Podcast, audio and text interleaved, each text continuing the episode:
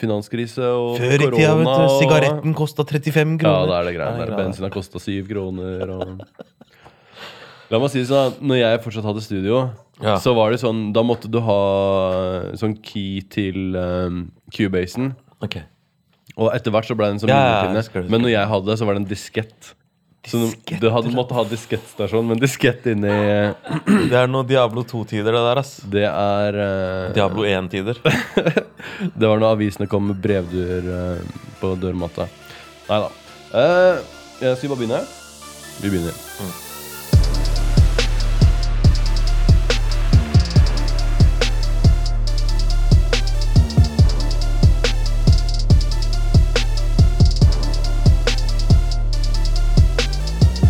Alle på den. Eh, først så vil jeg si uh, tusen takk til Later Hater, Black Diamond, Rimfrost og uh, Sylskarp eh, Barbershop i Larvik, men også i Sandefjord. Og så vil jeg si skjæra til Hydrohagen. Og den joken er så morsom at det er tre stykker som skjønner den, og, og konkret er en av de. Og vi skal le av det lenge etterpå. Eh, og så må dere huske på at eh, hvis dere hører det her på uh, noen sånn streamingplattformer, så er det også på YouTube eh, og på Patrion. Og i går så eh, I går så la vi opp en ny morsom video. Nå holdt jeg på å si hva det var, men det her er spilt inn fire uker før det kommer ut. Så, Uh, men i går så la vi opp noe veldig morsomt som dere kan eh, sjekke ut. Men det er bare for de som er på Patrion, så gjør det Patrion-tingen. Som jeg begynner å forstå mer av, men jeg er ikke helt skråsikker på hva det er for noe. Eh, dagens gjest er også Larviksgutt. Han er utdanna journalist. Han er dikter, foredragsholder, men har også jobbet en del med TV eh, i bl.a. NRK Underholdning med Broshow. Som jeg Det syns jeg var sykt fett, eh, faktisk. Eh, han er også gammelt medlem av Baus Gang, uh, som var et uh, rappkollektiv med bl.a. rapperen Filty Rich. Også kjent som Arif eh, for de som er eh, yngre enn eh, 42. Eh, men han er også gammel rapper, redaktør og forfatter med boka Third Cultural Kids. Velkommen on. Hva skjer? Takk, bro. Det skjer egentlig ikke mye, annet enn eh, høsten begynner å krype på. Jeg fryser faen meg overalt.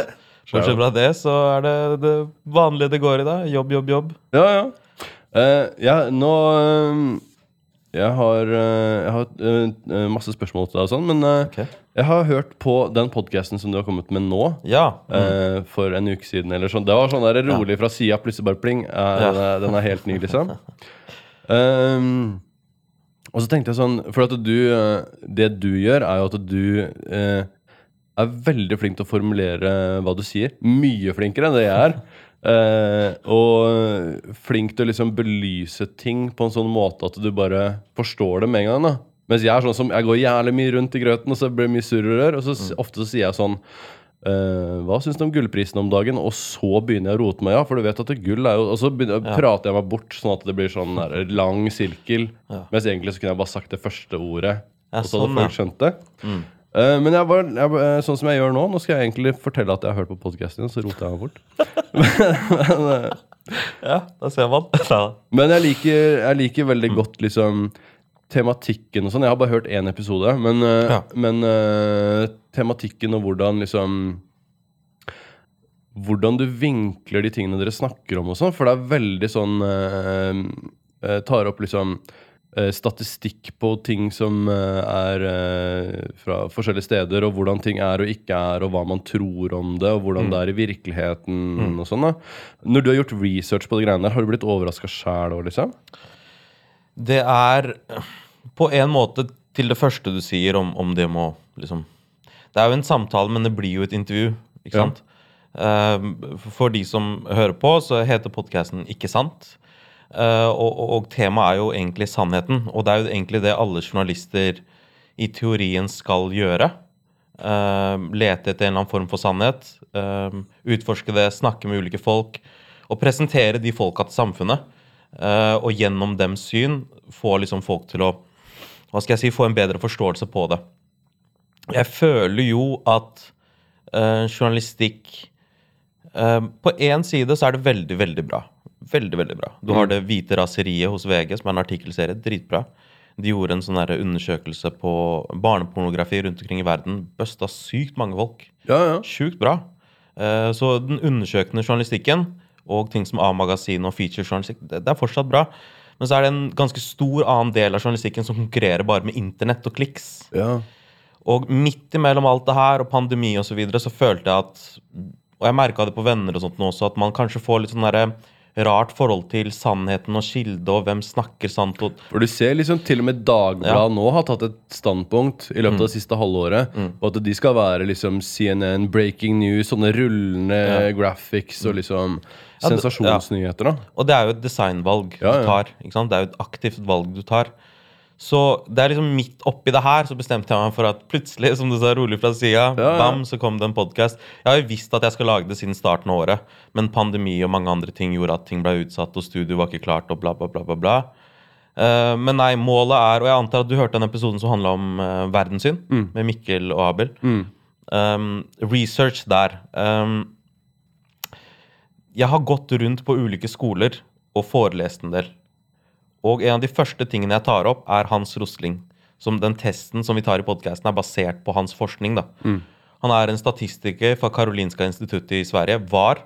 Han er død, hvil i fred. Sønnen hans, Ola Rosling, fortsetter med det samme. Og um, hele greia deres var basically at Media forteller én historie, men de forteller ikke hele historien. Media er veldig flinke på å gi deg sånn minutt for minutt. Leirras, Gjerdrum. ikke sant? Det brenner der. Liksom, det er de veldig flinke på. De kan også gi deg følelsen av hvordan folk virkelig har det. Innsiden, liksom, hvordan det føles. Men overblikk det blir vi ganske dårlige på. Ikke sant? På hvordan verden egentlig går. Så når jeg forteller liksom kids på skoler rundt omkring at eh, vel, det har aldri vært så lite krig som det er i vår tid 800 000 mennesker kommer seg ut av fattigdom hver eneste dag. Um, så og så mange er vaksinert og går på skole. Uh, det er bare én av ti i verden som ikke har mat som møter deres daglige behov. Ting som det her, da. Så får jo de en sånn Å ja, så verden går egentlig ikke til helvete. Jo, for en del mennesker så gjør det jo det. Og de må vi ikke glemme. Men vi kan ikke gå rundt og tenke at uh, vet, alt er kjipt hele tida. Spesielt når du er i sånn tenåringsalder, du vet, hormonell osv. Da jeg bodde i Larvik, så Faen, at jeg sier det her. Eh, En de, ja, de første låtene jeg spilte inn, het, og jeg var 14 år, het Min depresjon. Ok? Min depresjon het den. Det er real, da. Ja, men du er 14 år, da.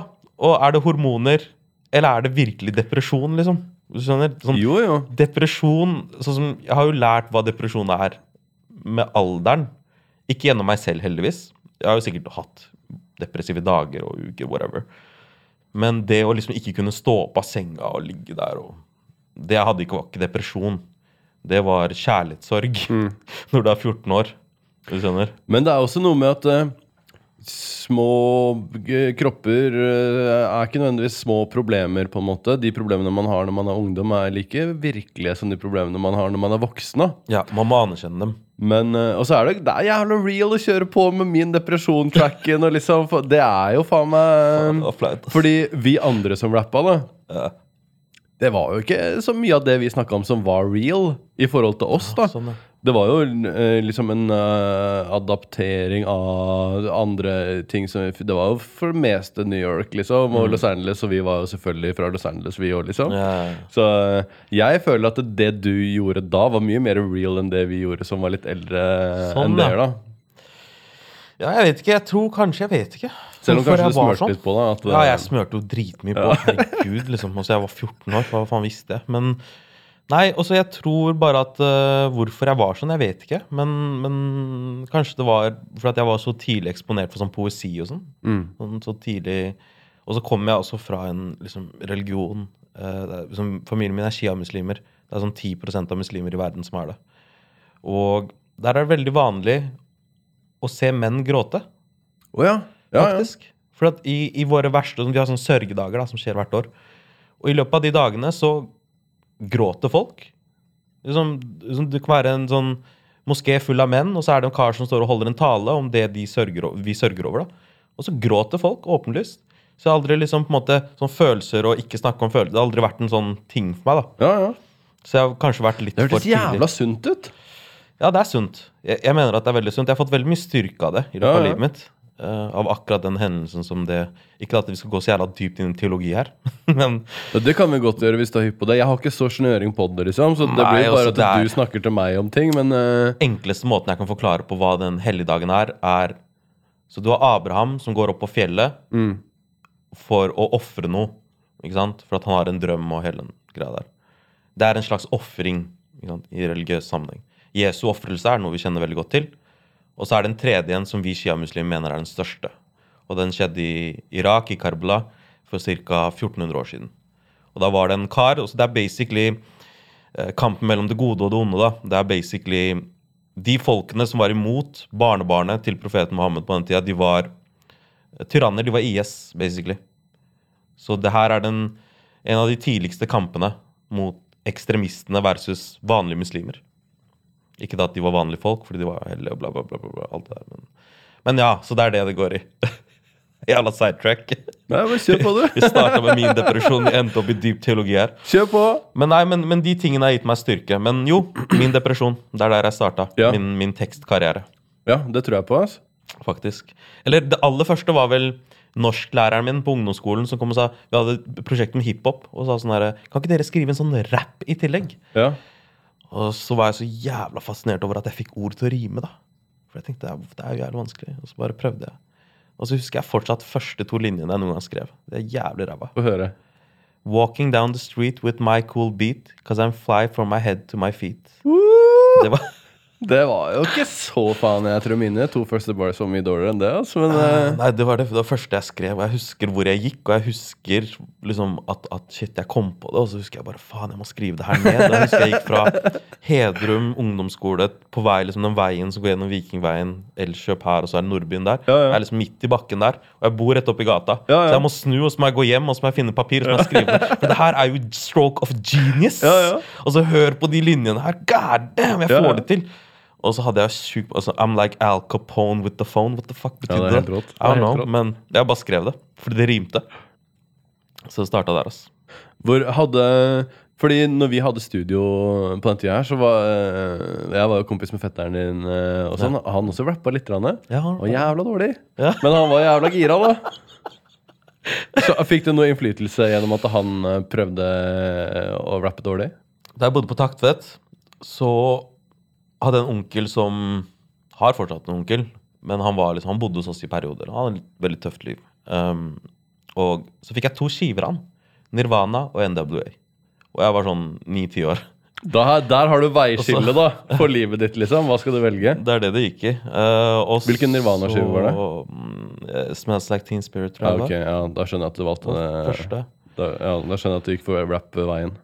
Og så Jeg vet ikke om skiva het det. Jeg, het, jeg er litt usikker. Men, Jo, det tror jeg. Jeg tror Men hadde det vært en MTV Unplugged-skiva, skjønner du Ja, Da kan det hende du hadde gått den gærne veien og så endte opp på Nirvana-kjøret isteden. Ja, altså. Men det var et opprør i den musikken. da som, Ja, ja. som Jeg vet ikke hvorfor det Jeg bare fucka med det. Kanskje det var liksom banneord. Eh, nei, og så så, så det var det. Og så eh, det Sayad gjorde, var at han ga meg sånne greatest hits av hiphop fram til nå. ja, ja, ja. Hvis du skjønner, fram Ja. til den tiden der. Og da fikk jeg med meg alle rap classics. Og så var andrefetteren min, Kasim, en av så kommer han til meg, han bare sånn printa ut lyrics av da, til Tupac Changes. Jeg er jo dritliten, jeg forstår jo ingenting. Han bare 'Se på deg, det er jo dritbra, hør på hva han snakker om!' Han var helt gassed på den dritten der. ja. Så de begge fetterne mine inspirerte meg veldig mye. Mm. De gjorde det. Uh, og så, Jeg husker jeg jobba på Kong Sverre, eller Larvik Pizza, som det ble etter hvert. Og så pleide jeg å jobbe der hver tirsdag, og så jeg jobba der noen ganger. Og han pleide å liksom, lære meg om hiphop, eller fortelle meg om sånn, hva MC, ordet MC sto for. Jeg, skjønte, jeg visste jo ikke det. Master of Ceremony. Jeg bare wow, shit, det høres sjukt ut. Bare du må ha et kult navn, da. Du må ha noe sånn badass shit. Bare Kall deg Big On. Jeg hadde litt sånn komplekser med det. Var litt sånn feit sånn. Så jeg bare Nei, ikke Big On. Jeg vet ikke. Han bare Kall deg et eller annet kult. Så jeg var veldig på søken etter kule rappnavn. da Så jeg har hatt et par rappnavn gjennom tidene. ja, det husker jeg. Eh, ah, brukte du svartedauden et sekund der? eh? Fordi jeg husker vi spilte på en festival i Larvik som du spilte samtidig. Jeg er helt svartedauden, ass. Hva faen? Den uh, flyeren, eller li- VIP, galt eh, Det VIP-båndet eh, donerte jeg til eh, Det er en sånn Instagram-side som er sånn eh, norsk hiphop-kulturhistorie-greier. Som jeg sendte en bunke med sånne VIP-kort. Så det ligger på det, i det galleriet til Instagram-profilen som er tagga under her på innlegget på Instagram. Men eh, nei, også, ja, faen, jeg spilte på en festival i Larvika. Nei, det var jeg, jeg var innom et par navn. Jeg husker Dummeste. Eh, Da jeg skulle begynne på ungdomsskolen, jeg gikk i 7. klasse, og skulle jeg finne på eh, Nei, jeg skulle begynne i 9. klasse, det var sommer. Skulle jeg finne på nytt rappnavn, da. Så lærte jeg at Master of Ceremony. ok. Så du må være forberedt i enhver situasjon. Bare mesteren av den seremonien. Så jeg bare, ja. Med min 13 år gamle hjerne så tenkte jeg sånn. Så da burde alt være forberedt, da. Et bra rappnavn er prepared. Ja. Så jeg starta med det. Så bytta jeg navn sånn fem ganger det året. Og så endte jeg for en eller annen grunn opp på Svartedauden. Fordi at jeg skulle ha et badass navn. da Ja, ja. Vi lærte om det i norsktimen. Så jeg bare fett. Det her høres ut som badass nok. ja. Jeg skal drepe halve Norge, liksom. Ja, en tredjedel, eller hva enn faen det var. Et eller annet sånt. Men nei, ja. Det, de inspirerte meg. Fetteren min, absolutt. Ja, ja. Mm. Og spørsmålet var vel egentlig først uh, Ble du overraska når du gjorde research til podkasten din? Ja, det er det vi Det er det som er spørsmålet. Uh, overraska Ofte så skjer researchen i rommet mens jeg prater. Jeg har Ja. noen formeninger. Jeg, jeg føler jeg leser, jeg leser litt, ikke nok. Uh, og som sagt, jeg var allerede inne i Hans Rosling-universet. Mm. På ting han snakka om. Så researchen var at jeg visste at den testen fantes. Og jeg visste at Mikkel og Abel er morsomme folk å prate med når det kommer til sånne Ja, type ting. for de er, de er litt polarisert. Og så syns jeg det er Ja. morsomt at, eh, at eh, Abel er 100% sikker på at månelandinga ikke skjedde.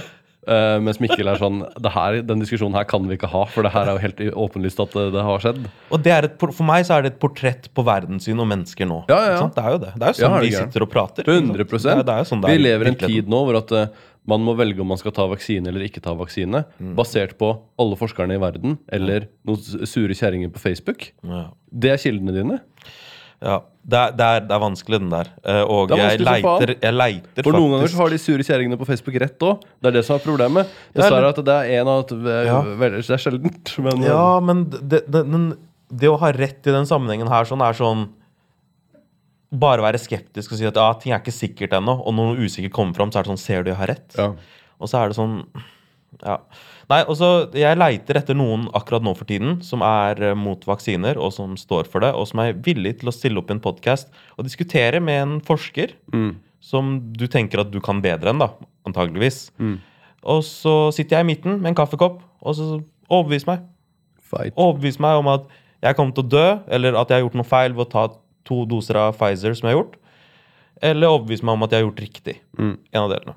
For at det er en samtale som jeg vet at vi har på en måte i aviser, og, og man prøver å jobbe mot det, men ikke så veldig direkte ennå. Jeg, har Mm. jeg har ikke hørt den direkte Og jeg føler at debattformatet sånn generelt er Det krever Jeg vil heller at folk skal to stykker skal sitte og diskutere sammen i en time, enn at det skal være ti stykker som får fem minutter hver. Mm.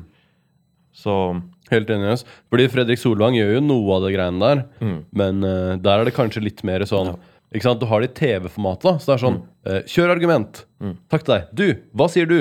Ok, han, han der, du bak der. yeah. Hva tenker du? Og det er bare sånn det er show. What the fuck? Det her er eh, Mm. sånn soundbites. Det er sånn eh, 30 sekunders greier du kan legge på Instagram. eh, liksom Det er jo ikke en eh, faktisk samtale hvor to stykker finner ut av Mm. en ting. da Hvor man snakker liksom dypt gjennom Å ja, du mener det, ja? Hvorfor gjør du det? Mm. Ok, men har du tenkt på de her tingene? Ikke sant? Og da kan det kanskje være sånn at eh, Mm. Å ja, faen, det har jeg ikke tenkt på. Og det kan jo gå begge veier, på en måte. Jeg tviler på at eh, noen Hvis du får noen som har litt eh, informasjon, da, så tror jeg nok at begge parter vil være litt uh, gira på å lære mer om den tingen, hvis de er faktisk interessert i det. Mest sannsynlig kan du sikkert eh, gå inn på podkasten til og nå, og så se på denne episoden. Jeg vet da faen, for det kan godt hende at den er ute allerede. Ja. Neste episode kommer faktisk eh, eh, når, Jeg vet ikke når det her kommer ut, men, men Det, i jeg tror det kommer om en måned. Ok, eh, så da, eh, til da så er det jo flere episoder. Jeg, har, jeg snakker jo med VGs, eh, VGs nyhetsredaktør om representasjon av mangfold, og, og det at vi vet at syv av ti saker om innvandrere er negative. Nest mest brukte betegnelse om innvandrere i norsk medie er mistenkt. Og i 3% av sakene så kommer du selv til orde. Hvordan kan det være sånn? Så vi snakker om det. Episoden som kommer, En annen episode som kommer også innen den tid, er med en politimann som jobber på Grønland Tøyen. Om etnisk profilering og Ikke minst det om hva, hva gjør man? Volden øker i Oslo. Hva, hva, hvordan fungerer det forebyggende arbeidet du gjør, bro? Sånn, Selvfølgelig noe fungerer, og vi får aldri vite om det. Vi får høre bare dritten. men Så jeg tar opp en del vanskelige temaer og stiller ganske mange vanskelige spørsmål. Noen kommer til å bli sure på meg, eh, og noen kommer til, eh, fordi at jeg er for streng. Og noen kommer til å bli sure på meg for at jeg er ikke streng nok. Men det er verden vi Men er det, i. hvert fall basert på det jeg har hørt til nå, da, så er det liksom sånn eh, Du tar kanskje forventningene, og så sier du ja, for at dere føler at det er sånn her. Mm. Og så sier folk ja, det er sånn vi føler det. Og så sier du ja, men tallene sier at det er ikke sånn det er i det hele tatt. Eh, Man må snakke om gjennom tall. Ja. Man, man, man oppfører seg som om tall er noe annet, og mennesker er noe annet. Men det er Ja. eksakt samme ting. Det er jo mennesker det er basert på. Så um, ja, det er viktig. Det er et veldig bra virkemiddel å bruke. Jeg husker at jeg var i Arendalsuka og skulle holde en appell. Og så var det ganske mange fra Jeg blir jo automatisk satt i en, en bås hvor jeg kanskje er litt mer på venstresiden, og jeg er jo sikkert det. Jeg er jo det. Eh, så var det mange fra liksom høyre og, og lenger høyre. Um, og um, da sa jeg at dere trenger ikke å bry dere om meg eller mine sentimentale historier om hvordan man må inkludere mennesker. Bry dere om statsbudsjettet. Det koster samfunnet mye mer penger hvis folk faller utenfor. mm. Så det er i din beste interesse, hvis du elsker Norge, å inkludere meg. For hvis ikke det koster penger, Mm. så inkluder meg.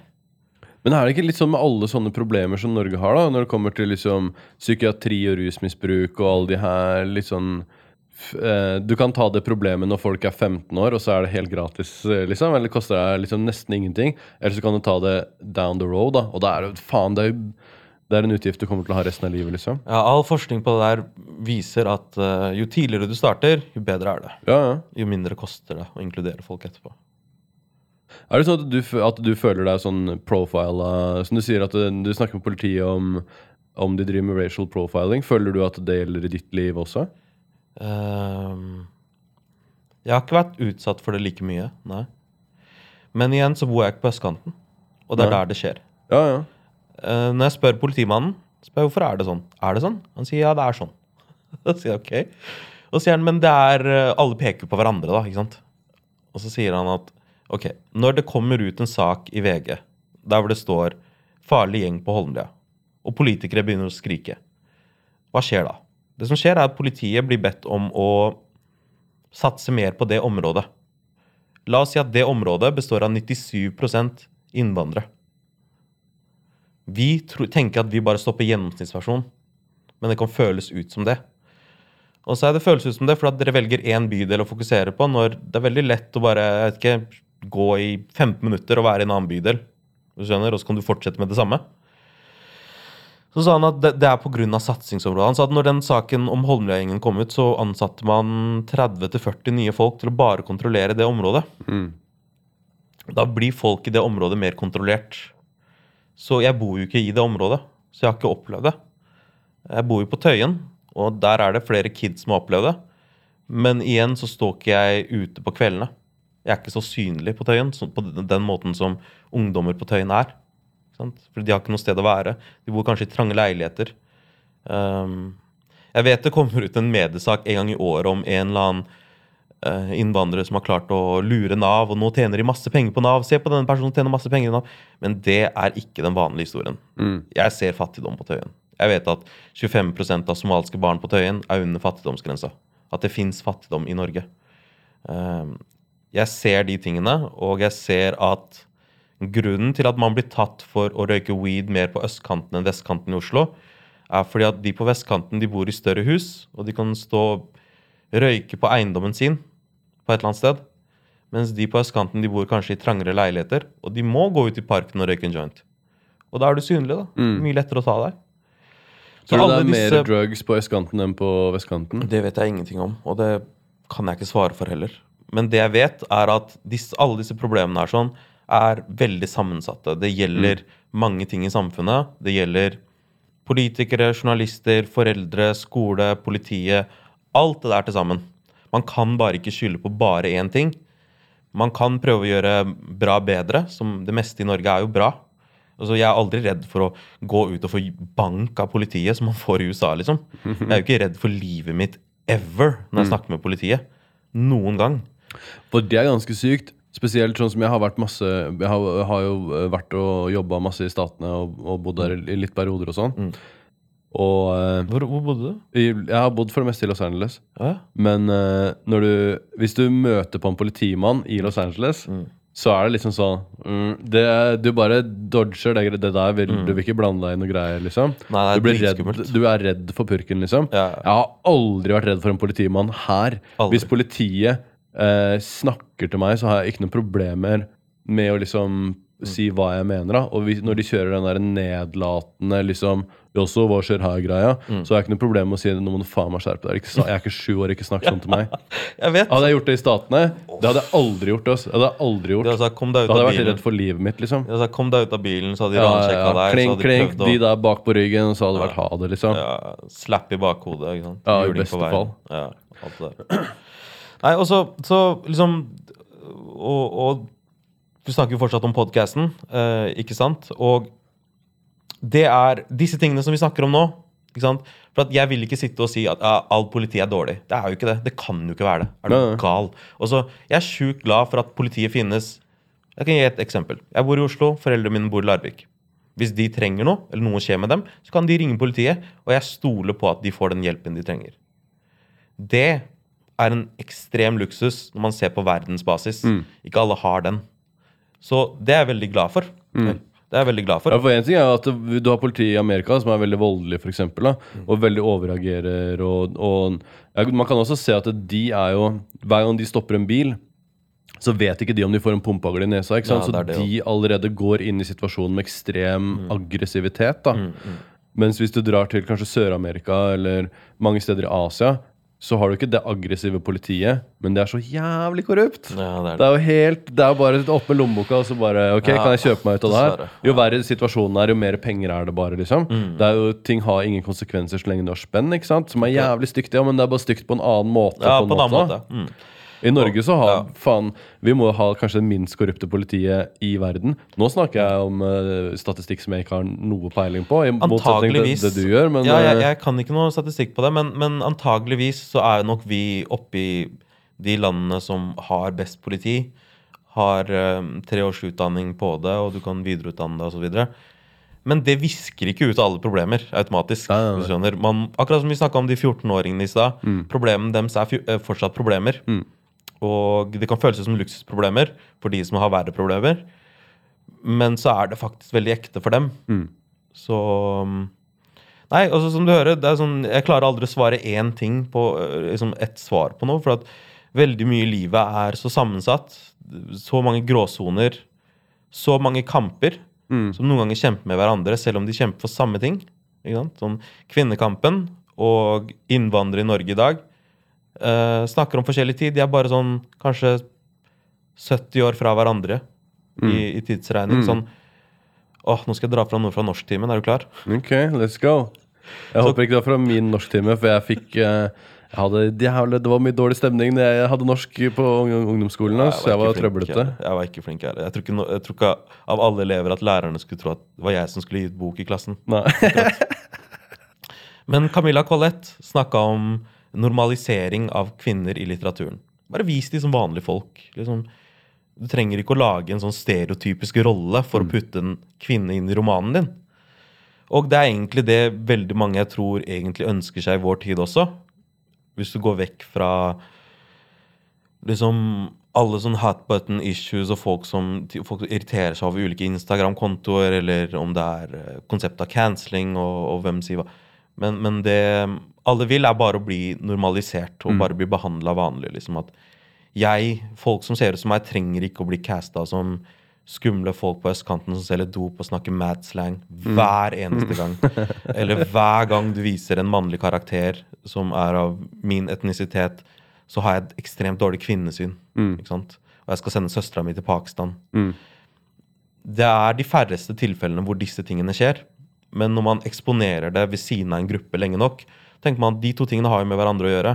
Og alle merkevarer i verden gjør det. ikke sant? Sånn, Coca-Cola selger glede. ikke sant? Open happiness, taste the feeling. Ikke sant? Så, så det er fordi at det er sånn branding fungerer. Mm. du setter to ord ved siden av hverandre nok ganger, tenker vi at de to tingene må ha med hverandre å gjøre. ikke sant? Så Det er det universet jeg er i om dagen, bro. Men det er jo så, sånn er det jo. Det her snakka jeg faktisk med Jeg hadde uh, I forrige episode så er uh, Carl Bertil, som uh, er i dokumentarfilmen 'Kunstneren og tyven', Ja. Eh, som han, eh, så vi snakka om det, at han er litt, sånn litt på veien og kanskje prøve å gjøre noe sånn skuespillgreier og sånn. Gjøre noen roller, noen mindre eh, greier, da. Mm. Men eh, hva, hva skal han bli casta som, liksom? Hva er hans roller? Han har trynet fullt av tattiser og liksom er superbuff. Da er det kjeltring, da. Du Ja, det en, torpedo. eh, Ja, det blir torpedo, eh, liksom. Så du har jo det som du snakker om, da, i på en måte veldig mange ledd i samfunnet. Ja, så samfunnet er allerede bygd opp sånn at eh, man putter ting inn. Ikke bare etter rase, men liksom eller utseende eller liksom størrelse. Eller seksuell legning eller hva som helst. da Men også til liksom sånn han er, han, har, han er skalla med skjegg, liksom. Ikke sant? Det er sånn derre eh, Han er hipster, eller han Du allerede putter alle mennesker inn i sånne små bokser. Og noen bokser er på en måte helt ufarlige. Men det bygger opp et system hvor det er det du gjør. da Ja. Du tar, og jeg ser, jeg ser han, han er inni den boksen, han er inni den boksen. Ja, helt riktig. Det er Noen sånn til og med Exit-serien har fått pes for at det det? faen det ikke Er det ikke en eh, Er det ikke en forretningsmann i Oslo som er av noe utenlandsopprinnelse, liksom? Fins ikke det? Ja, så... Er det ingen? Er det bare Det er basert på en sann Er det bare historie, damer Da. og au pairer, liksom? Men det er basert på sann historie, da. Så det er liksom sånn Hvis ikke det var noen, det var ikke noen. Som de var Nå? rundt dem. Det er nå. Det er real time. Det er nå. Ja. Tror du, tror du det er ingen uh, Det det businessmenn i det Oslo det, med annen etnisitet? Jo, jo. Faen, 100%. Kjør noe statistikk på de greiene der, da! Det er Nei, sikkert faen meg ikke- 40 Jeg er ikke noen statistikkonge, altså. Er du gæren? Jeg er ikke Det er ikke så jeg sitter og leser statistikk all day. Nei, men jeg bare synes det, det at du tar, tar opp sånne ting i podcasten, syns jeg er jævlig Ja. funny. For at eh, jeg er, da er jeg med, ikke sant? Ja, Jeg er med og å gjette. Jeg tipper det er 6 Så bare det er 40 Her, her er det faen meg 40 Ja, ja, ja. Og så liksom sånn Og så da begynner jeg å jobbe med det. Liksom bare faen, seriøst, kan det være sånn? Mm. Og liksom sånn Hvordan er selvmordsstatistikken nå? Liksom? Jeg bare, Selvfølgelig det har gått opp. Og det er bare sånn, det har gått ned. Hæ? Ned? ned, 25 ned? Seriøst? På verdensbasis. Det er jo helt sinnssykt. Så, Mm. ikke sant? Da, det, liksom, det er veldig sånn Jeg føler meg veldig det, at jeg er delaktig i det. da Mm. Og liksom er med på det og jobber med det. Så Sånn sett så er jo statistikken veldig smart. Mm. På den annen side så er jo statistikk jævlig skummelt, fordi at eh, 99% av alle haiangrep skjer jo på stranda. Ja, sånn, ja. Men det betyr jo ikke at eh, det er um, Det er der haien er. Mm. Haien er jo nesten aldri på stranda. Mm. Men det er jo der menneskene er. Mm. Så statistikken blir faen, du kan ikke bade, for det er jo 99 av, av haiangrepene skjer på den stranda. Det er livsfarlig å være på stranda, mens haien er jo aldri der. Så statistikk er litt Det kan være litt vanskelig, men uh, Du kan spissformulere det og, og lage dårlige overskrifter basert på det. 100 ja. ja, ja. Uh, og ja, jeg, jeg tror at det er farlig. Jeg tror at det er noe som kan misbrukes. Definitivt. Men samtidig så kan det ikke ta fra den verdien det gir oss. Jeg vet f.eks. Det er en nettside som heter Tyler Vegan. Det er ikke en vegan nettside. Det er en nettside der hvor, som handler Gud for det. Ja. Det er en nettside som handler om korrelasjon i statistikk. ja. For eksempel, og det her er fra Folkeopplysningen, og jeg har med Andreas Wahl fra Folkeopplysningen med i programmet også, der vi snakker om konseptet av eksperter. da. Um, og sier han at uh, antall mennesker som kveler seg selv i, sitt eget, uh, i, i sin egen dyne om natta og dør av det, det er folk som gjør det. etter faen jeg. Hvordan, men, men tydeligvis Det er ikke meningen å le av det, for det, det er sånt som skjer, men det er sånne ting som det har jeg aldri tenkt på at kan skje. Altså. Ja, og, og nettopp derfor så kan det være litt komisk òg. Men, men for folk som opplever det, selvfølgelig. Men det kan det være gamle folk òg, som er liksom faen Eller sånn som Royce, han har bare én arm nå. Hvis han snur seg i senga nå, så blir det jævla dårlig stemning. Ja, det kan det, faktisk. Nei, og så, så antall mennesker som eh, kveles av sitt egen, eh, sin egen dyne, eh, og antall mennesker som Ostekonsumstatistikken, Ja. de to ligner perfekt Og på grafene hverandre. følger hverandre. Ja, de følger hverandre. Og så, og så stiller nettsida spørsmålet Har disse to tingene noe med hverandre å gjøre. Ja. Nei, sier folk. Og dette tester de på Folkeopplysningen i en episode om weed. Mm. Og så spør de folk ok, greit, her er schizofreni, Mm. og her er weed. Har de to tingene med hverandre å gjøre, da? Ja, selvfølgelig. Hvorfor det? Nei, det er jo det man har blitt fortalt. Mm. Og det er sånn, i den episoden så gjør jo de noe genialt. De, de viser jo at det er egentlig opp ned. Det er ikke det at folk røyker weed, så blir schizofrene. Det er bare at de som er anlagt til å ha schizofreni, de søker ofte andre rusmidler. Så, det er flere, liksom, så de kan lettere ty til å røyke weed. Mm. Så, så Og det, det er jo en samtale den, eh, Det krysningspunktet mellom rus og psykiatri, Mm. eh, det er jo en samtale som burde ha vært eh, tatt helt fra starten av. Det er jo en samtale som er vanskelig, som liksom eh, Stortinget prøver å holde, Mm. holde litt bakpå enda, liksom. da Og det fins mange bokser. Liksom. Sånn, sånn, du har folk som på måte, sitter sikkert på masse statistikk og vet at folk som er i, uh, i rusmiljøer og narkomane, blir behandla som shit. Blir Mm. dehumanisert hele tiden. Og det fins mange uh, kamper og det mange bokser, som du nevnte i stad. Noen bokser, hvis du tilhører dem, det er litt farligere enn andre. Mm. Noen bokser, hvis du tilhører dem, så følger det med kanskje at du blir trakassert, eller du opplever vold. Og så kan det være hvem i den boksen du er også. Som for eksempel Jeg har vært ute og synlig liksom i offentligheten på ulike måter. Jeg har fått noen trusler gjennom tidene. Jeg har det. Mm.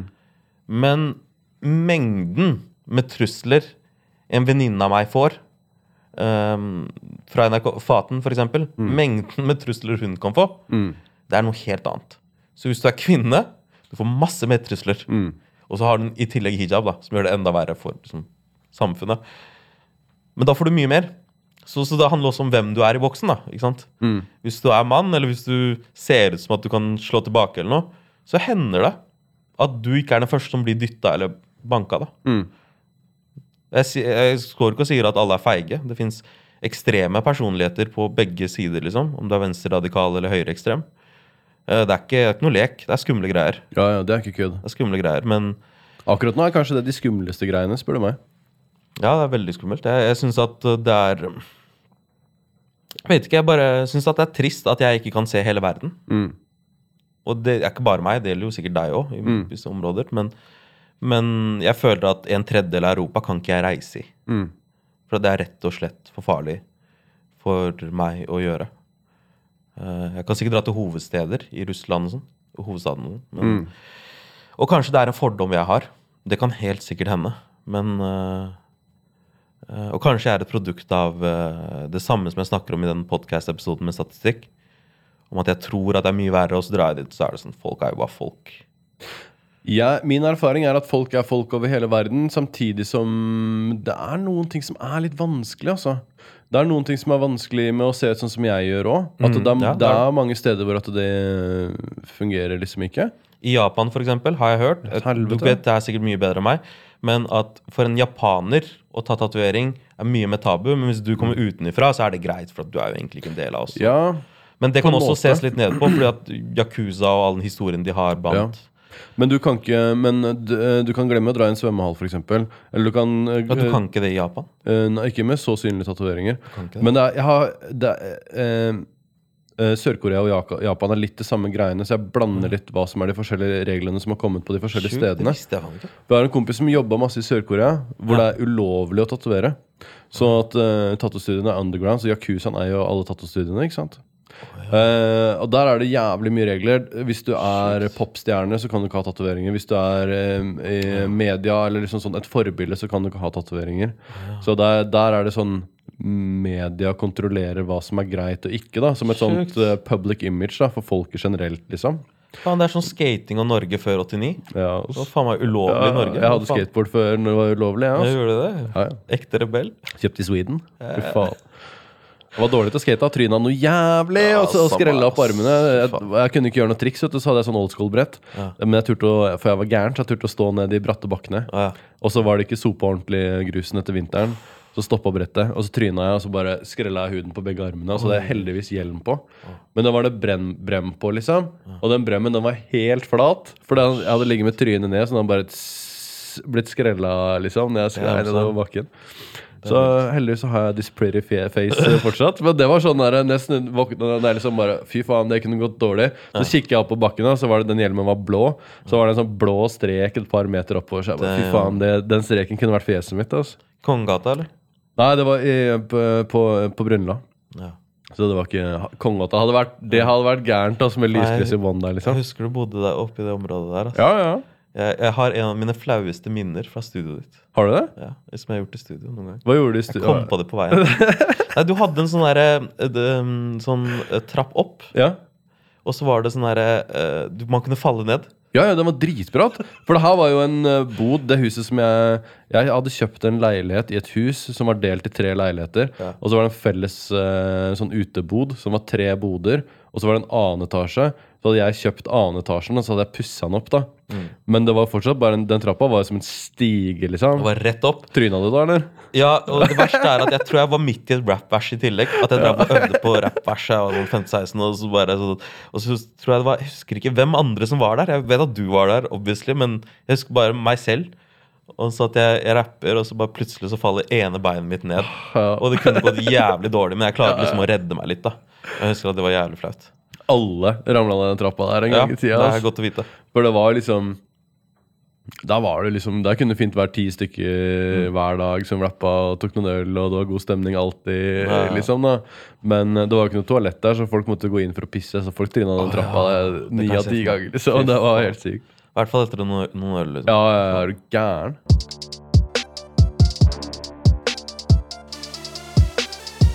Sånne steder som Dubai og sånn, så er de ikke noe gira på tatoveringer i det hele tatt. Er det ikke det? Nei, for at de ser på det som selvskading, så hvis du har masse tatoveringer, så er det et tegn på litt sånn psykiske problemer. Hæ? Og så har jeg gjort jævlig mye research, fordi at det er jo masse eh, influensere og sånne eh, stjerner og sånn som reiser, de som har masse tatoveringer, så jeg tenker sånn, det kan kanskje ikke være så problematisk på ekte. Eh, så jeg har liksom prøvd å finne ut av, er det en sånn, som du sier da, en sånn hype eh, som man bare tror fordi at man får mata det gjennom media, eller er det et problem som faktisk er sånn? da? Jeg har ikke noe svar på det enda. Det er en fyr på YouTube som kaller seg Balden Bankrupt. Har du sett den? Nei. Han drar til steder hvor det ikke er anbefalt å reise. Mm. Som regel i Europa. Nå, det, nå må det sies at han ser litt russisk ut. Han, han er britisk. Mm. Han ser litt russisk ut, og han kan snakke russisk òg, så han kan kommunisere med folk i områdene. Um, men da er det sånn ofte han drar til sånn Folk sier sånn 'Ikke gå inn i den gata.' Så går han inn i den gata og prater med folk, og så er folk bare sånn Ja, her bor vi, da. det er liksom Selvfølgelig, han drar på dagtid, da. Han er ikke der midt på Ja, natta ja, når ja. shit sikkert skjer. Men uh, det er en litt sånn sånn derre uh, På en måte en veldig sånn mild midtbuster, liksom. Mm. Sånne ting. Det er min erfaring òg. Jeg har vært på ganske mye rufsete steder i verden, liksom. Mm. Jeg har aldri blitt rana. Bank i bordet. Jeg har aldri liksom Ok. eh, vært eh, Jeg har aldri vært i noe ordentlig bråk på utsida av Norge, liksom. Nei, jeg har aldri vært i noe bråk som ikke er sånn at eh, Nei, aldri det- utlandet. ja. Nei, ikke sant? Og eh, hvis jeg har vært i bråk i Norge, så har det vært sånn ja, det har vært min feil òg. Jeg, ikke- jeg har aldri vært i noe uprovosert. Jeg sier ikke at ikke det skjer, men jeg sier at eh, når jeg reiser rundt, så har jeg aldri liksom møtt på noen kjempestore problemer. Jeg har vært i situasjoner hvor jeg har tenkt sånn fordi at jeg har vokst opp sånn som jeg er, da, og, og har liksom hatt de vennene jeg har hatt, og i det miljøet som jeg har vært i, så vet jeg jo når at det begynner å bli sånn Nå er det kanskje på tide at jeg gjør noe annet. Mm. Så trekker man seg bare litt ut av det der, og så f- hører man to dager etterpå at det, det der gikk til helvete en halvtime etterpå, liksom. Mm, mm. Men uh, så lenge man er litt street smart og kan lukte den lunta Ja, der, så- det er jævlig viktig, det der. Ja, ja. Se. Jeg og banker bordet igjen, liksom, men, men, men jeg, jeg føler ofte at jeg kan Du ser litt sånn hvordan noen bærer seg, og ja. hvem du skal ikke ha øyekontakt med. Ja. Det, det kan hjelpe en del. Ikke, hvis du ser at det er en jævlig gæren person på stedet du er med, ikke begynn å stirre på han liksom, for at du er redd. Bare, bare oppfør deg vanlig. Av veldig mange hva skal jeg si, kriminelle mennesker jeg har møtt i løpet av livet, så er det sånn de setter ekstrem pris på at du bare oppfører deg vanlig. Ja. At ikke du gjør et nummer ut av at du er redd. Liksom. Fordi Det er litt lettere å misbruke da òg, tror jeg. Mm. Men, ja, ja, eh, ja, 100 Det er jo eh, jeg har ikke opplevd noe særlig kjipt i utlandet, egentlig. Men igjen så har jeg reist til jo, jo et par ting. Sånn, det var en fyr som skulle selge oss en bussbillett i Roma, og så så han på meg og sa IS et par ganger. Ja, den er fin. Ja, den er fin. Mm.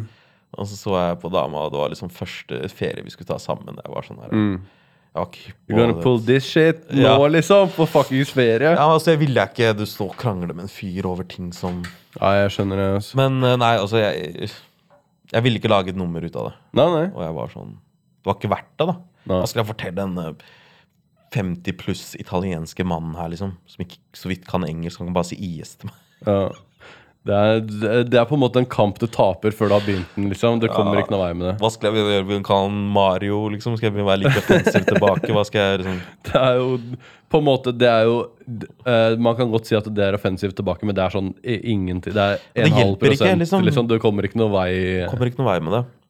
Men ofte så er det sånn Jeg havner fort i å begynne å snakke om disse tingene som vi snakker om nå. Ja, ja. Og så virker det som at det er det som opptar meg. Ja. Men det er jo så mye annet. Også. Egentlig skulle de to første episodene i podkasten være om etnisk profilering og det med mangfold i media. Ja. Men jeg ville ikke at de skulle være de første episodene, selv om de kom til å få mest oppmerksomhet. Fordi at jeg ville ikke at folk skulle tenke at det her er en podkast som bare kom til å handle om mangfold og rasisme. For det er, det er langt ifra det eneste som opptar meg. Ja, det er viktig, og ja, det er noen erfaringer jeg har, og jeg syns det er viktig å ta opp i samfunnet og på en sunn måte, da. På en tilgivende og, og barmhjertig måte òg, liksom. Men Så det er derfor første episoden bare handler generelt om verden sin. Episoden etter er hvordan fungerer kreativitet. ikke sant? Mm. Og alle mytene vi har om det, om den triste kunstneren som um, er i sånn mad depresjon og lager vill kunst av det. Så viser forskninga at det er ikke sant i det hele tatt. Ingen kjente kunstnere gjennom tidene som vi vet om, lagde noe mens de var depressive. Det beste kunsten fra dem kom da de var omringa av folk de var glad i, når de hadde det bra. ja, ja. Eh, og det er liksom en sånn myte Jeg tror til og med, jeg tror til og med Jean-Michel Basquiat uh, Mm. tok tilbake en håndfull bilder eh, som han hadde gitt til bl.a. Madonna og sånn, for han var, han var jo kjæreste med Madonna. Mm. Uh, tok de tilbake og så bare rullemalte de svarte, alle sammen, når han var Oi. deprimert. Og bare Det blir ikke noe, liksom. Oh, det Han annullerte de, liksom. Det er sjukt. Så jeg kan fint føle det. At det uh, man tenker jo liksom sånn derre eh, Kunstner i en sånn dårlig spot eh, når han kan liksom skape noe. Men ja, kanskje. Men ikke når han er her. Men kanskje når han er der, liksom. Og bare fuck, nå begynner ting å gå bra, og sette pris på ting, for det er ikke sånn her lenger, liksom. da For, for klarer ikke å gjøre noe når du er deprimert. Nei, nei. Det er ikke den dagen du skal jobbe, her når du er mest deprimert. Det er når du får reflektert over det senere. liksom. Ja, ja. Du hadde jo Kafka som prøvde å brenne alle tekstene sine. ja, ja. Så har du han derre um, Uroens bok, hva han heter igjen? Fra Portugal. En av Portugals største. Paulo Coelho. Nei, ikke Paulo Coelho. Han er gammel, han her. Um, samme. Uh, Uroens bok heter det i hvert fall. Det er bare, de fant bare en kiste med alle tekstene hans etter han døde. død. Levde helt vanlig liv hele veien. Fant at oi, her er det største litterære talentet vi har hatt i Portugal til nå. Oh, ja, serr? Mm. Faen, det er iskaldt, altså. Um, så ja, hender at kunstnere i etterkant i depressiv periode bare vil fuck alt. Men de er jo Og Ja. de fleste kunstnere er- burde jo egentlig bli kjent Det beste er jo hvis du blir kjent etter at du er død. Og noen bare det. finner tinga dine, og så bare så, Ok, Det er litt kjipt, vet du hva? Jeg har tenkt på det her før. Og så har jeg tenkt sånn der, I en hypotetisk situasjon Ja, for, for, for de av oss som tror på et etterliv av noe slag, da. ja, Og la oss si at sånn van Gogh, da. ikke sant? ja.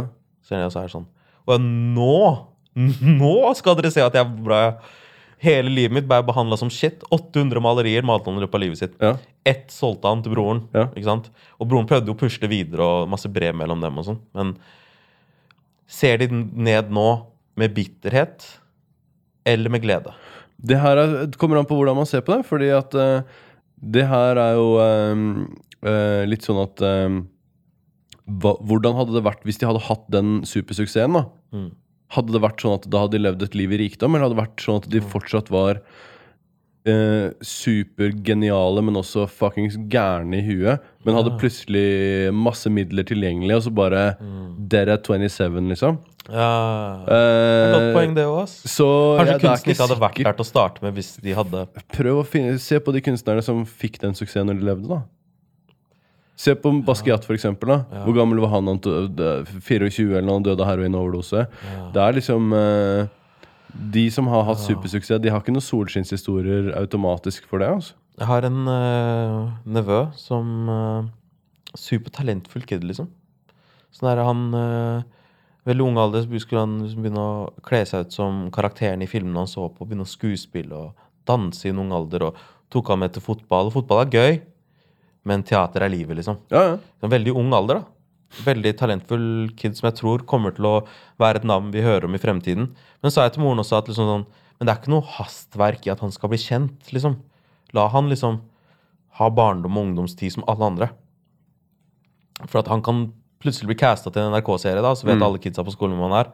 Og de vennene mine som jeg vet som blei kjente tidlig, og det er ikke nære venner, jeg har ikke så mange nære venner som blei det, men av de jeg kjenner, så føler jeg at de noen ganger har et kompleks på hvem er mine ekte venner egentlig. Mm. Er, de, er du med meg fordi jeg er populær, eller er du med, hvorfor er du med meg, liksom? Den, den tingen der.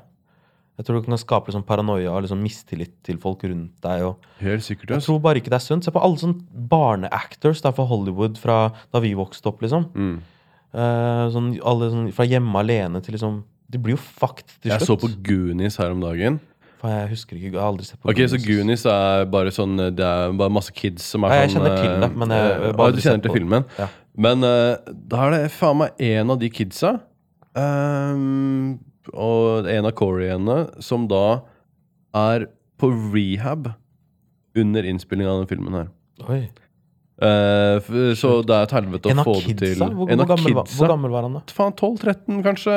Nei. Og var inn og ut av rehab under For det var et helvete å få gjennomført den her rollen, for han var jo allerede et jævla svært navn, ikke sant? 12-13 år? Ja. Så du kan, og han hadde Tenk deg supersuksess. hvilken effekt det har på kroppen. Du, du Ja. vokser jo i den Og da kan du snakke om van Gogh som ikke hadde suksess når han levde. Han kunne ha vært tolv år på rehab òg. Og, ja. og vært en av verdens største stjerner. Men det var, ja. Det er ikke automatisk eh, noe positivt. Men det gjelder altså. ikke alle kunstnere, da. Det må sies. Det er ikke alle som ble kjent etter de døde. Mange ble kjente mens de levde. Ja, ja, ja. Og så har du jo han derre faen uh, Fair and Loading i Las Vegas. Uh, Hunter. Thompson. Ja. Ja. Og han var sånn Hvorfor lever jeg ennå? Hva faen er det her for noe? Ja. Han rusa seg dritten ut av seg selv på slutten av livet sitt. Han hadde jo en sånn Hva faen er det de sa for noe om han igjen? Han starta dagen med en joint, fortsatte på ettermiddagen med noe coke og avslutta med LSD. Han var på noe Har du sett den der menyen og hva han gjør i løpet av en dag, liksom? Ja, jeg tror det var, det var det er jo helt sykt. Ja. Det er jo ikke Men øh, Vet du hvordan han døde? Var det ikke overdose? Nei da. Han samla familien på hytta. Gikk ut i hagen og skøyt seg med pumpehagle. Nei! Hadde en siste middag. Alle var happy. Gikk ut i hagen. Men han har sagt det i mange år. ikke. Ikke tenk på det. Eh, dere får nyte det mens det er moro, for jeg, snart så går jeg og skyter meg. Men hvorfor vil han gjøre det foran alle? Nei, ja, han ville ha en siste Alle er fornøyd. Nå, har vi det, nå er det god stemning. Men var Alle de happy. fortsatt på hytta? Jeg tror de satt på hytta, og så eh, tror jeg de kom ut på morgenen dagen etterpå, så var han der, liksom. Det her må man researche nøyaktig detaljene i historien, men eh. Men ja, vet du faen, jeg. Folk må få lov til å bestemme hvordan de vil gjøre det selv, da. Men uh, Det er sjukt. han var jo i utgangspunktet et jævlig liksom uh, destruktivt menneske, da. På alle måter. Som Altså, det var på en måte hans eh, Det var livssyklusen hans, da. Wow. Og mye av det Altså Til og med når han gjorde den Hells Angels-boka som han gjorde, så klarte han å lage pissdårlig stemning der inne på den klubben. Han fikk jo juling, og det, det ble bare trøbbel, liksom. Han fikk juling. Også fordi i etterkant Det var to grunner tror jeg med den boka. Det var ene var at han ene mente at han fortsatt skyldte han et par kasser med øl. Ja. Og det var en av grunnene. Ja, ja. Hvis noen når boka skulle komme, skulle han gjøre det. Og det andre var Altså Han er jo jævlig ærlig, da. Han er jo ikke redd for det mens han skriver. Mm. liksom Han gir jo helt faen. Han kaller de for mongolide og kaller de for liksom uh, Hva skal jeg si Barbarians, liksom, som ikke Ja, ja. skjønner en dritt. liksom Og han hadde, jo- var jævlig narsissist òg, ikke sant? Han var jo bedre enn alle andre i hele verden, så han så jo ned på alle. Så nei, det gikk jo ikke så bra, de greiene der. Men vet du hvordan begravelsen hans, begravelsen hans var? Nei. Han øh, hadde et øh, han, For han hadde jo allerede planlagt ting, for han hadde jo kontroll på det. Så da rigga de opp et svært sirkustelt ute i ørkenen øh, der, og så øh, tok de asken hans i en svær kanon. Og så tok Johnny Depp og tsk, fyra asken hans. øh, Skjøt en sånn salutt øh, med asken hans. Ja. ja, han var venn med Johnny Depp, han. Han var venn med Johnny Depp. Det er noen sånne klassiske sånne videoer, sånne små Instagram-snutter hvor de puller opp på Sunset Boulevard liksom, i en cab. Hunter og Johnny Depp og et par sånne kjendiser med sånne oppblåsbare damer som de kaster ut i trafikken. Det er, det er helt der, ikke sant? Superrusa ut av hjernen sin. De der. Ja, det var faen meg gutta. Altså. Herregud. For noen liv, ass.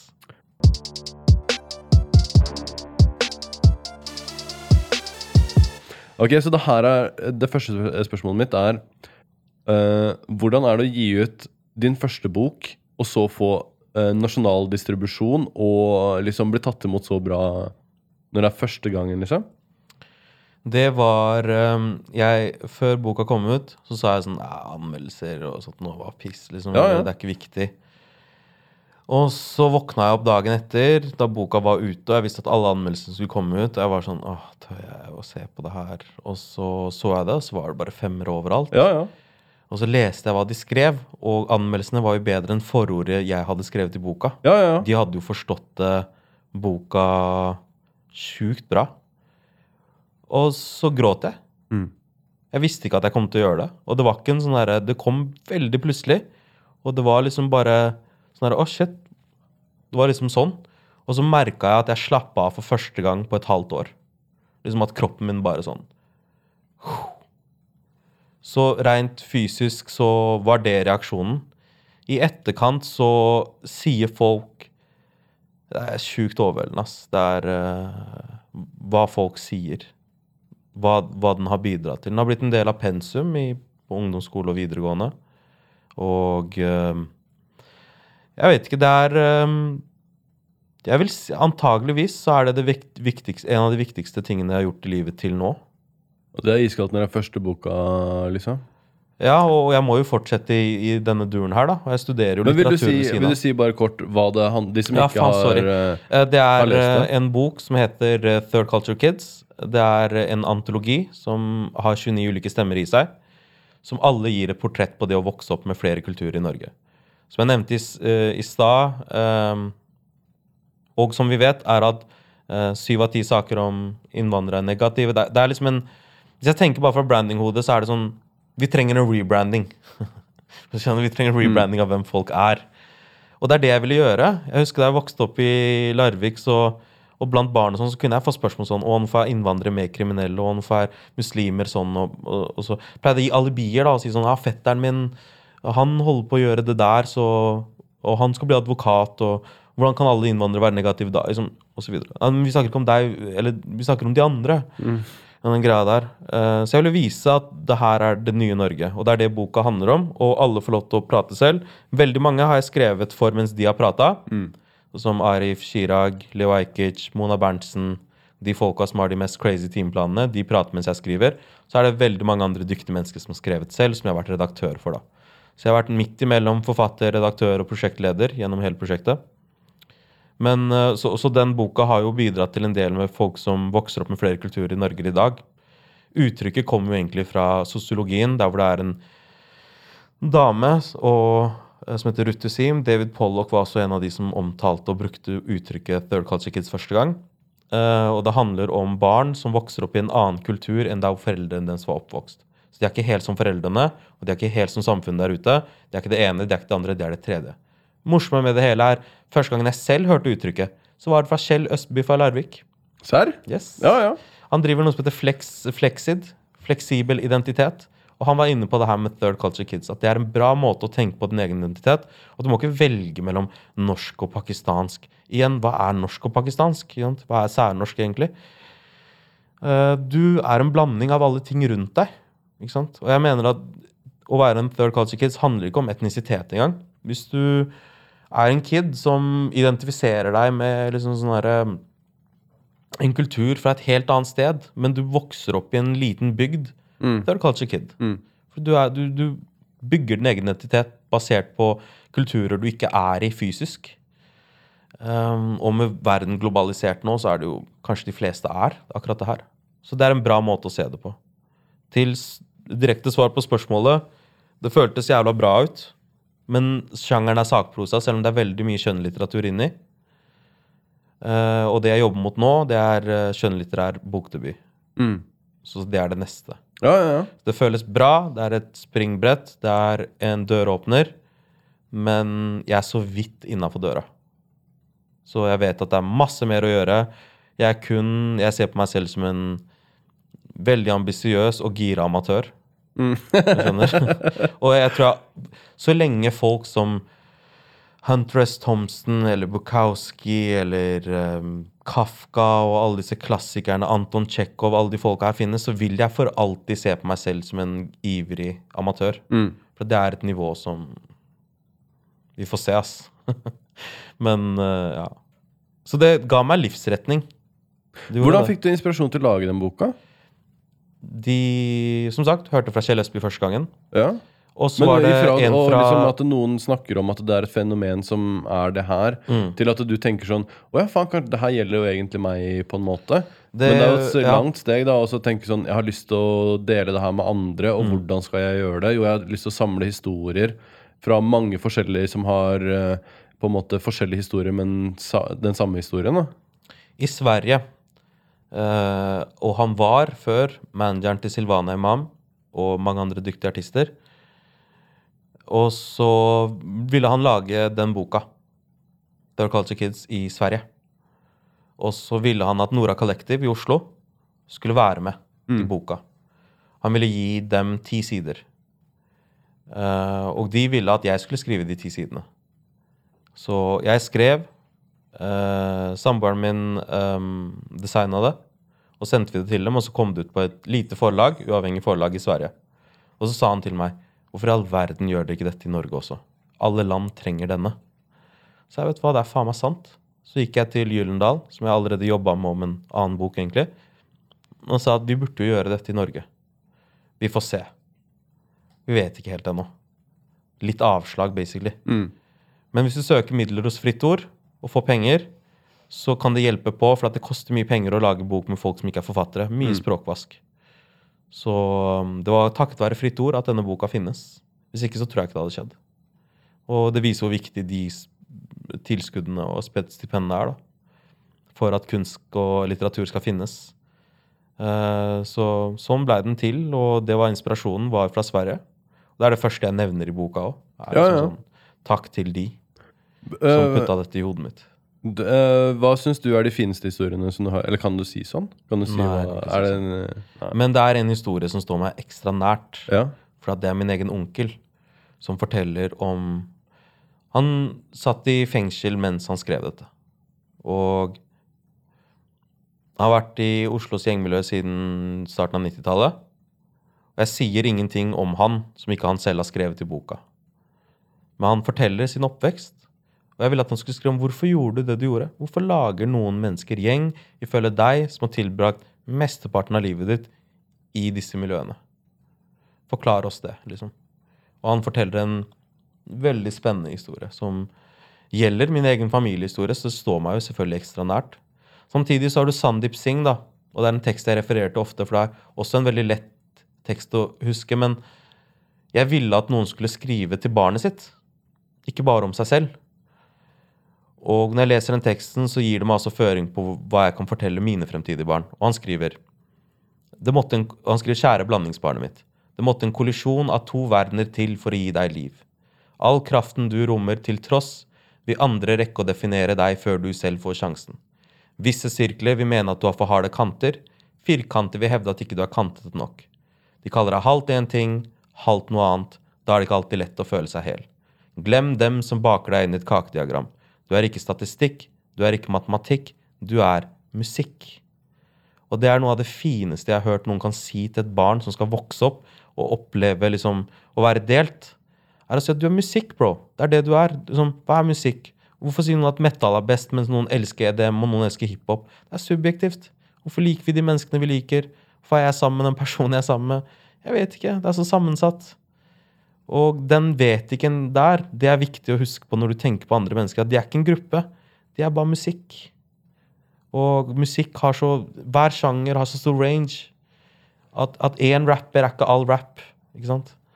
Så jeg syns det er en veldig fin måte å forklare det på. Så det er noen av de tingene som står meg veldig, veldig nært når jeg tenker på det med en gang. Så er det historien til Arif òg, som snakker om psykiske krigssoner og vokser opp på en tid hvor lommemannen finnes, nynazistgjenger finnes, innvandrergjenger finnes, og midt imellom står du der og er ti år gammel, og Benjamin Hermansen blir drept for hudfargen sin. Og du tenker What the fuck?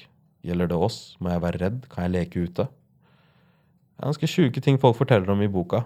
Folk er veldig åpne, veldig rause. Veldig, veldig rause. Så det er vanskelig, Hvis jeg fortsetter å prate nå, så kommer jeg til å ende opp med å nevne alle 29 ja, jeg tenkte på det. basically. I, uh, hvis man uh, ser det her på YouTube, så ligger det link til boka. Hvis du ser det, hvis du hører på det på Spotify, så ligger det mest sannsynlig også link til boka i Spotify-greia. Så kan dere stikke inn og så sjekke resten uh, selv, så slipper Ron å fortelle alle Ja, det er det, og ramse 30 Det er det. Liksom. Men det, den er, det er Ja. en sinnssykt bra bok, og en veldig viktig bok, syns jeg, da. Takk. Eh, personlig. Eh, for å uh... Jeg lover å ha korte svar, altså. Hvis, hvis det er noe. Nei, nei, nei. Har, Jeg vet at jeg, jeg svarer som et jævla foredrag hver jeg koser meg, men faen, jeg er på spørsmål nummer én. Ja, det er det, ass. Uh, ja, jeg har et spørsmål som er historien til din onkel. Jeg vet ikke om du vil snakke noe om det, eller uh, hvordan det passer inn i denne podkasten. Om det er noe vits i å utbrodere noe mer enn det vi har gjort allerede.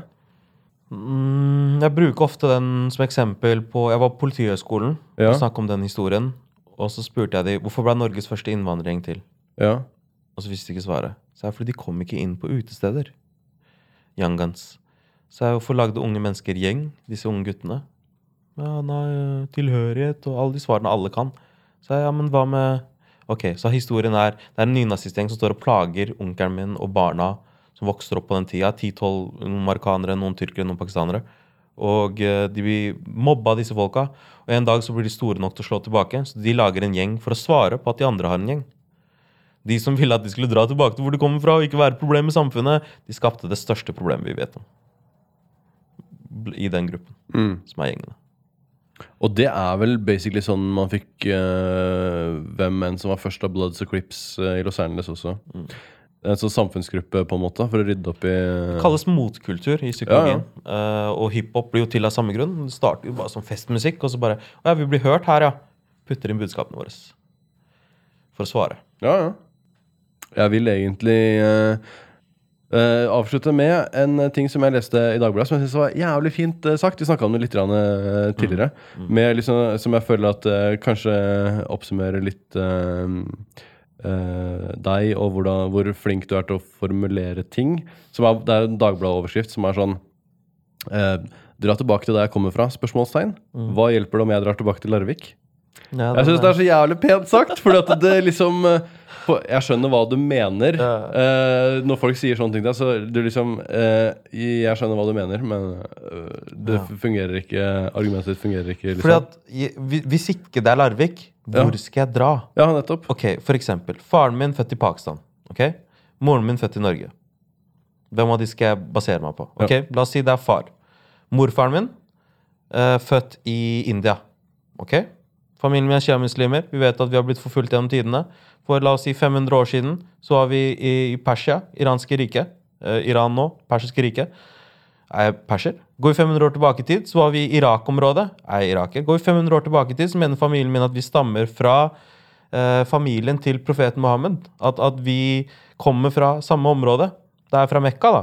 Hva med faren til profeten Mohammed? Hvor langt tilbake skal jeg gå, bro? For at du skal være fornøyd med at jeg skal dra tilbake til hvor jeg egentlig kommer fra. Hvor faen er egentlig?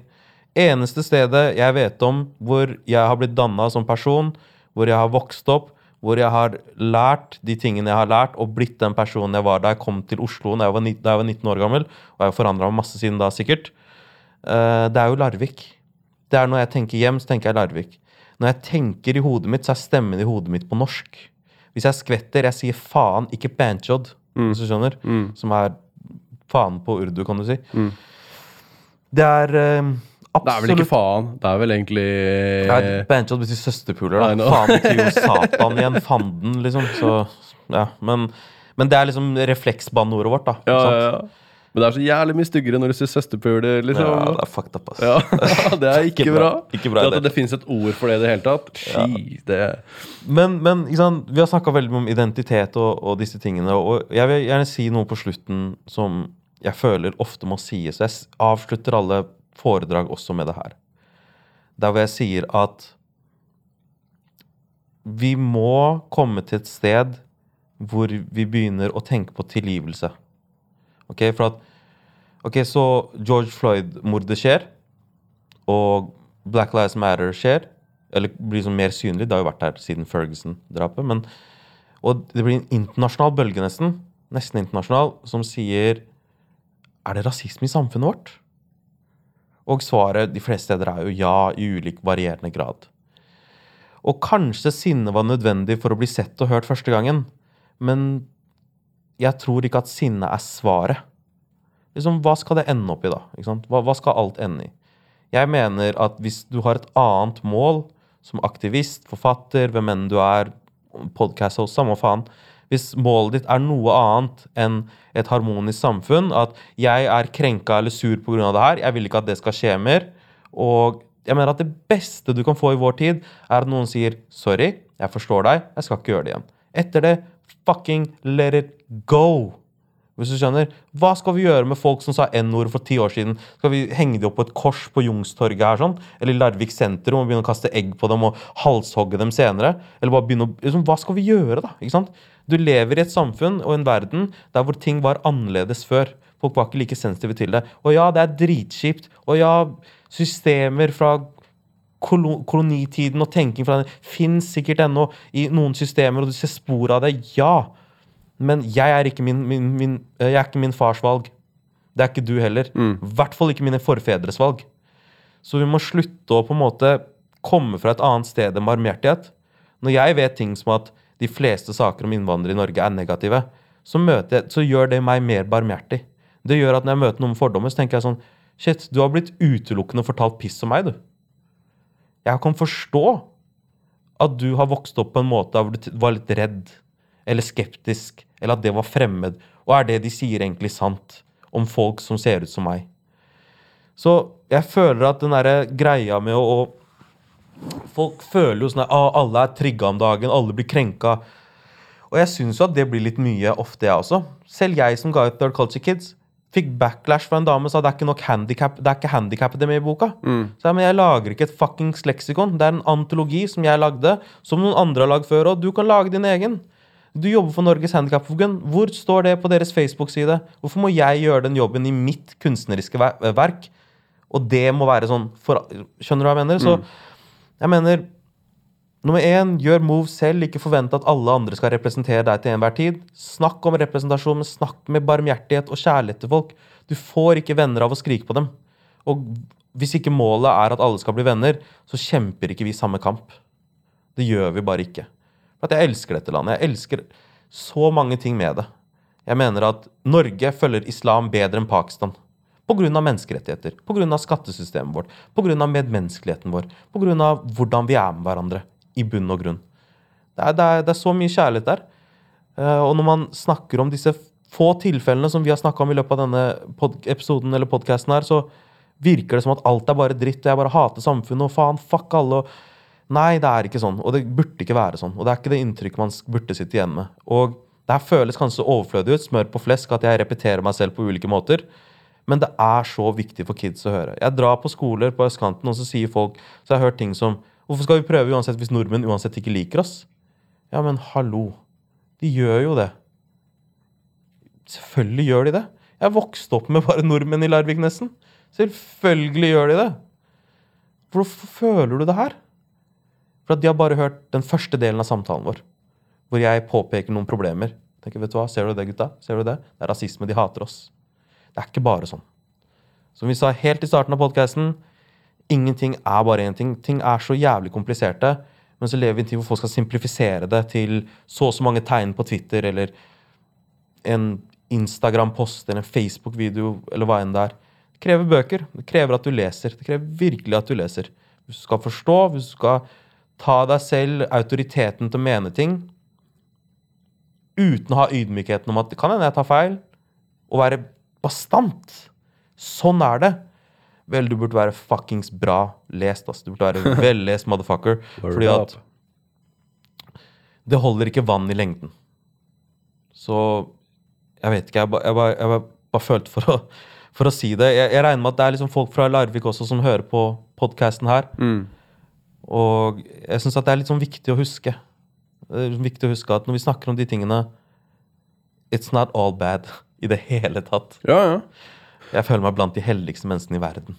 Hva, men eh, hvis du ser sånn tilbake til din oppvekst i Larvik, og sånn, hva, vil, hva slags råd ville du gitt til deg selv som liksom den eh, 13-14-15-åringen? liksom? Um, et tips hadde vært ikke ha fordommer om at andre har fordommer mot deg. For noen ganger så kunne jeg ha en viss måte å bære meg selv på. For jeg antok at yo. Så jeg kunne ekskludere meg selv, for jeg regna med å bli ekskludert. For det var mindre flaut at jeg ekskluderte meg selv, men at andre skulle ekskludere meg. Så frykten for å bli avvist. Det andre var kreativitet er en prosess. Og du tror du vet, du vet hva du vil nå, men du kommer til å ende opp et annet sted. Jeg starta med rappvers på Hedrum ungdomsskole og fram til en alder av 19-20 år, og til og med fram til 23, tenkte jeg at det var rap var det jeg skulle drive med. Ikke visste jeg at det var egentlig den eneste tekstformen jeg hadde blitt inspirert av. Og når jeg virkelig gikk inn i tekst, så var det litteratur som var veien min. Og jeg starta med å lese dikt i moskeen da jeg var åtte år.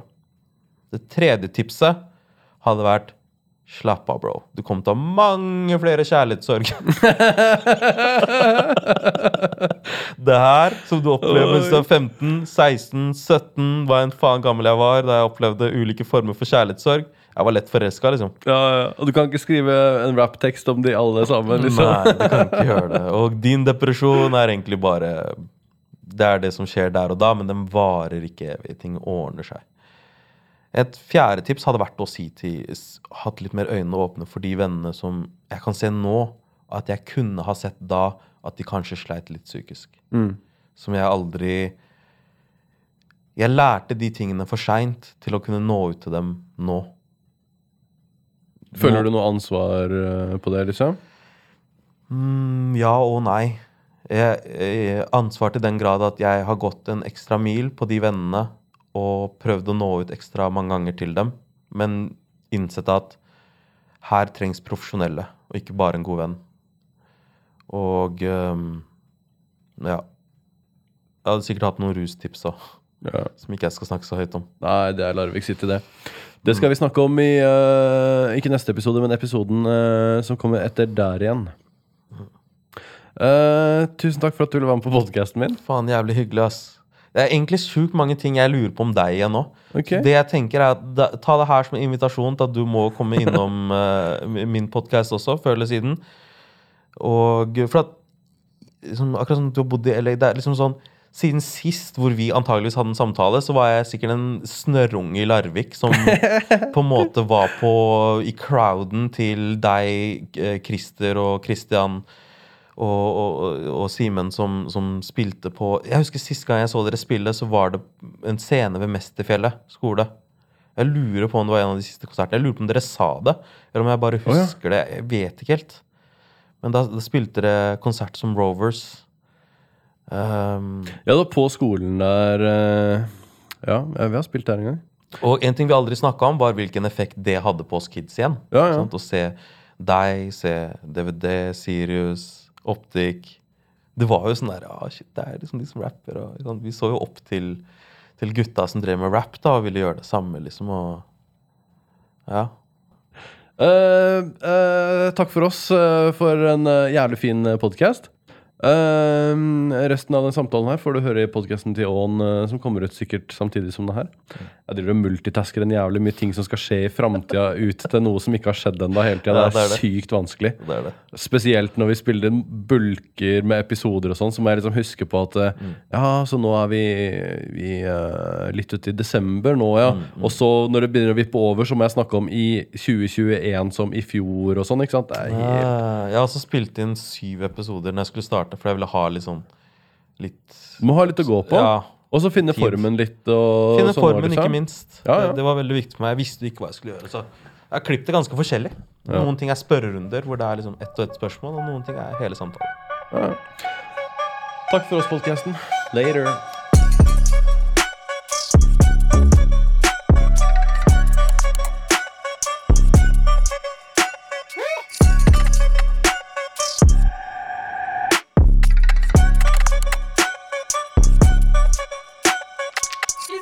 Veldig, veldig interessant samtale. Sjæl. Jeg føler at denne podkasten kunne vart dobbelt så lenge. Ja, den kunne, Men- den kunne absolutt det.